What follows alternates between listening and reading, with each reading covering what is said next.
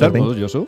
Ondo, oso ondo. E, bueno, gunotan, e, bakizu, eguraldi txarronekin, ba, Bai. bat, e, etxean, e, modernoek nesting, ezaten dute, ba, hori zen du, etxean horreta. Nola, nextin. Nesting, bai, nesting, ba, holako berba, berri moderno tonto. Ez ni oso moderno izango, zein nuen segula entzun. Hori zer da, nextin. Nesting da, ba, bian egotea. E, Ah. holako, ba, aste burutan, aste osoan lan egin ondoren, bai. aste burua aprotxatzen duzu deskantsatzeko etxean. Ah, Ai, Azken batean aitzakia bat etxean gordetzeko jentea. Vale.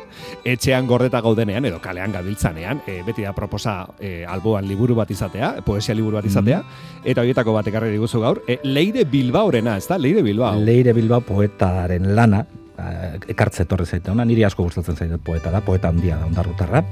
Pixkanak aziz joan den poeta. Eh, idatzi ditu eskatak, eskaner, eta iaz etxeko ura da poema liburu atera zuen. Da azkena, hori amatasunaren azterketa eta bizipen poetikoa da. Sarrera nauxe dio. Ama arraina, bezaina ama, zuaitza bezaina ama, txoria neu ere. Denok gara era bat ezagutu ez du nama baten seme alabak. Komendagarria da liburua, baina nik gaur ez dute karriko leire bilbauk helduentzako idatzitako poesiarik. Bueno, etxean sarritan esan diate, eh? Josu, noizean behin egunen batean, umentzako poesia ere irakurri. Helduentzako bestekoa da, ba, itxura batean simpleagoa da, baina baina Bai. badu bere konplexutasuna, konposizioan, mezuan, eta irakurri zu zerbait egunen batean. Umentzako poesia pixka bat, ez da? Hori da. Vale. Eta, bueno, ba, Leire Bilbao komentzako gaztentzako iredazten duenez, eta badaukanez bi poesia liburu zoragarri benetan zoragarri, Bai. eta bikiak, liburuak dira bikiak, maite mutu herria ilustratzailerekin e, Mhm. alako simbiosi eder batean egindakoak, eta horiek dira pizti poemak, eta beste xomorro batzuk, Bai. eta xomorro poemak, eta beste piztia batzuk. Bi liburu dira, egun urte berean e, argitaratutakoak, Pamiela etxearekin, Eta izenburuak idari iradokitzen duten moduan, ba, animaliak, itxasukoak eta lurrekoak, handiak eta txikiak dira, olerkietako protagonista. Eta imaginatzen dut gaur, e, Euskal Herrian jai izanik, akaso aurren bat entzuten izango dugula. Ah, Horixe espero du nik ere. bai, ez da? Bai, Bai. eta bueno, entzuten baditu, jakin dezala, ba, alako poema gehiago, askoz gehiago aurkituko ditula liburu hauetan, eta ia nik asmatzen dudan horiek irakurtzen. Osongi. Bueno, dugun erguraldiarekin manta bat eta liburu hauek hartu, eta umeen belarriak gozatzera. Osongi. Bueno, lehenengoa, poetaren e, autodeskribapen batekin hasiko gara, ez da? Uste dut alako deskribapenetan badagoela e, guztiok, irakurle guztiok barnebiltzeko asmo bat, eta irakurketaren gauza edernetako bat da norberaren burua irakurritako horretan aurkitzea. Halako ez usteko txiki bat sortzen da orduan, ez da? Bai. Bueno, hau da anatomia poetikoa.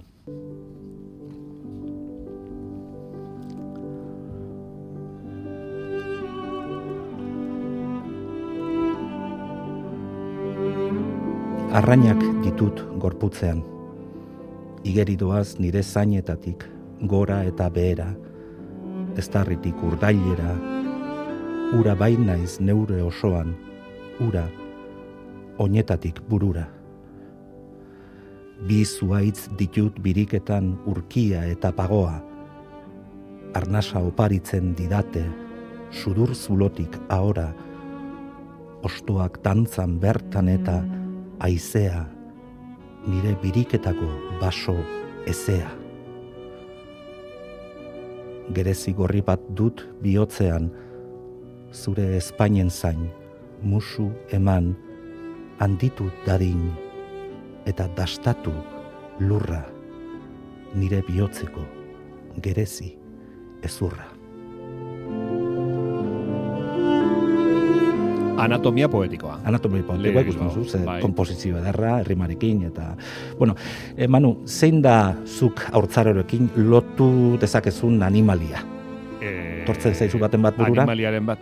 Haurtzaroa, lotutakoa. uda, ondartza, agian ez da Mm, urrutiko ibiliko, urruti ibiliko karramarroa. Karramarroa, ah, Karramarroa, aliteke karrapatzen biltzen bai. ez da umetan, bai. Ah, bai, bai, bai, ni ez nintzen oso zalea, baina, bueno, tira, ez nintzen oso ume normala ere. Gu ibiltzen ginen ba, aitzartean, zera karramarro bila, eta beste Bai. lekuetan ere bai, bueno, ez oso, bueno, bastante arriskutsuak gehienak.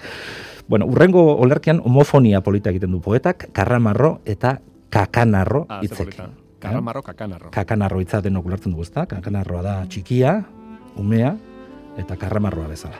Mhm. Hau da, karramarro kakanarroa. kakanarroa.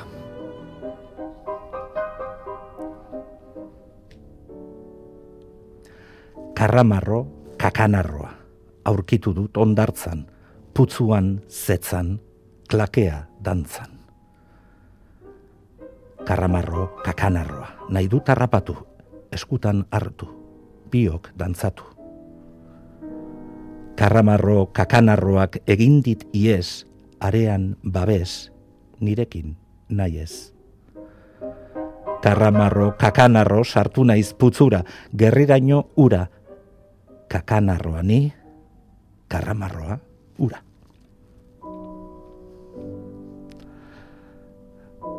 Ze polita eh? Kakanarroa ni, karramarroa aurra. Bai, bueno, animaliak ezagutzen ditugula uste du, Manu. Bai, Bai, haiek aztertzen eta sailkatzen ditugu, baina zer dakite animaliek guri buruz? zer dakite. Adibidez, kabletan pausatzen diren usoek, txolarrek, beleek, zer pentsatuko dute gutaz? Hau da, argindar kable baten gainean bitxori. Ze titulo polita.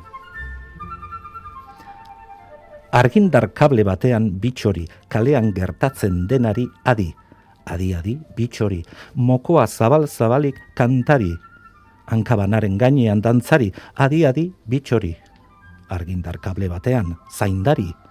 Kalean gertatzen denari, adi, adi, bitxori.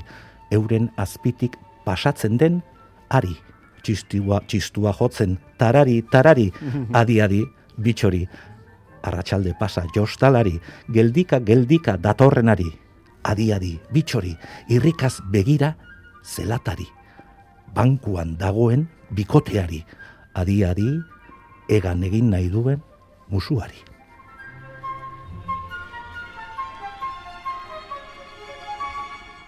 Eta amaitzeko manu, Bai. poema gazigozo bat. Poemak ere batzutan gaziti dute, batzutan Gozotik, gozotik. bai. Honek bietatik ez du, daukala esango nuke. Ez dakit inoiz ibilizaren kilkerretan, bueno, ez dakit karramarretan eta espazintzen ibiltzen. Oso ume bereziari zeni. bueno, ba, guk egiten duen potoan sartu, letxu eman, gau ez Behe gurasoak launek egiten zuten nik ez, eh? baina bai, hori, kilkerrak hartu eta bai, hartu potetan sartu, ez? Bai, nik uste, prudelkari pixka bate bat. Guraso entzat ere bai, eh? gauean kirri-kirri, txirri-txirri hasten zelako. Bueno, kilkerretan eta aldi berean maitearen bila dabilen bata hemen protagonista. Ja. Hau da, kilker hotxa dauka maite minak.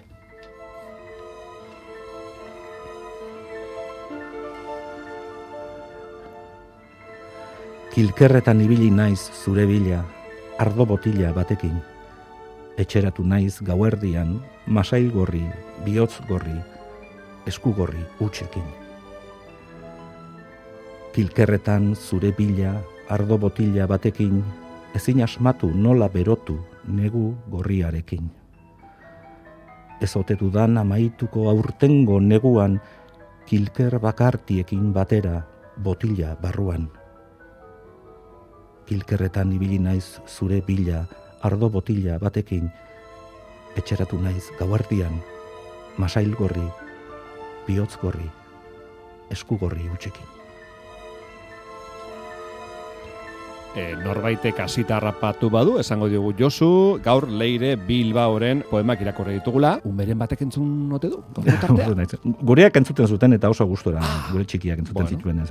Orain ja ez, handi da, handi dago. bai. Ez ditu nahi ja umen gauzak, baina umetan oso oso pozik entzuten zituen, adi adi eta begiak zabal. Bueno, ba, e, egin izan dizuten eskari hori asetu duzu, eh? Aurren poesia edo aurrentzako poesia irakurri zazu, noizbait? Ba, gaur, bete dugu eskari hori. Josu, e, ondo pasa. Berdin.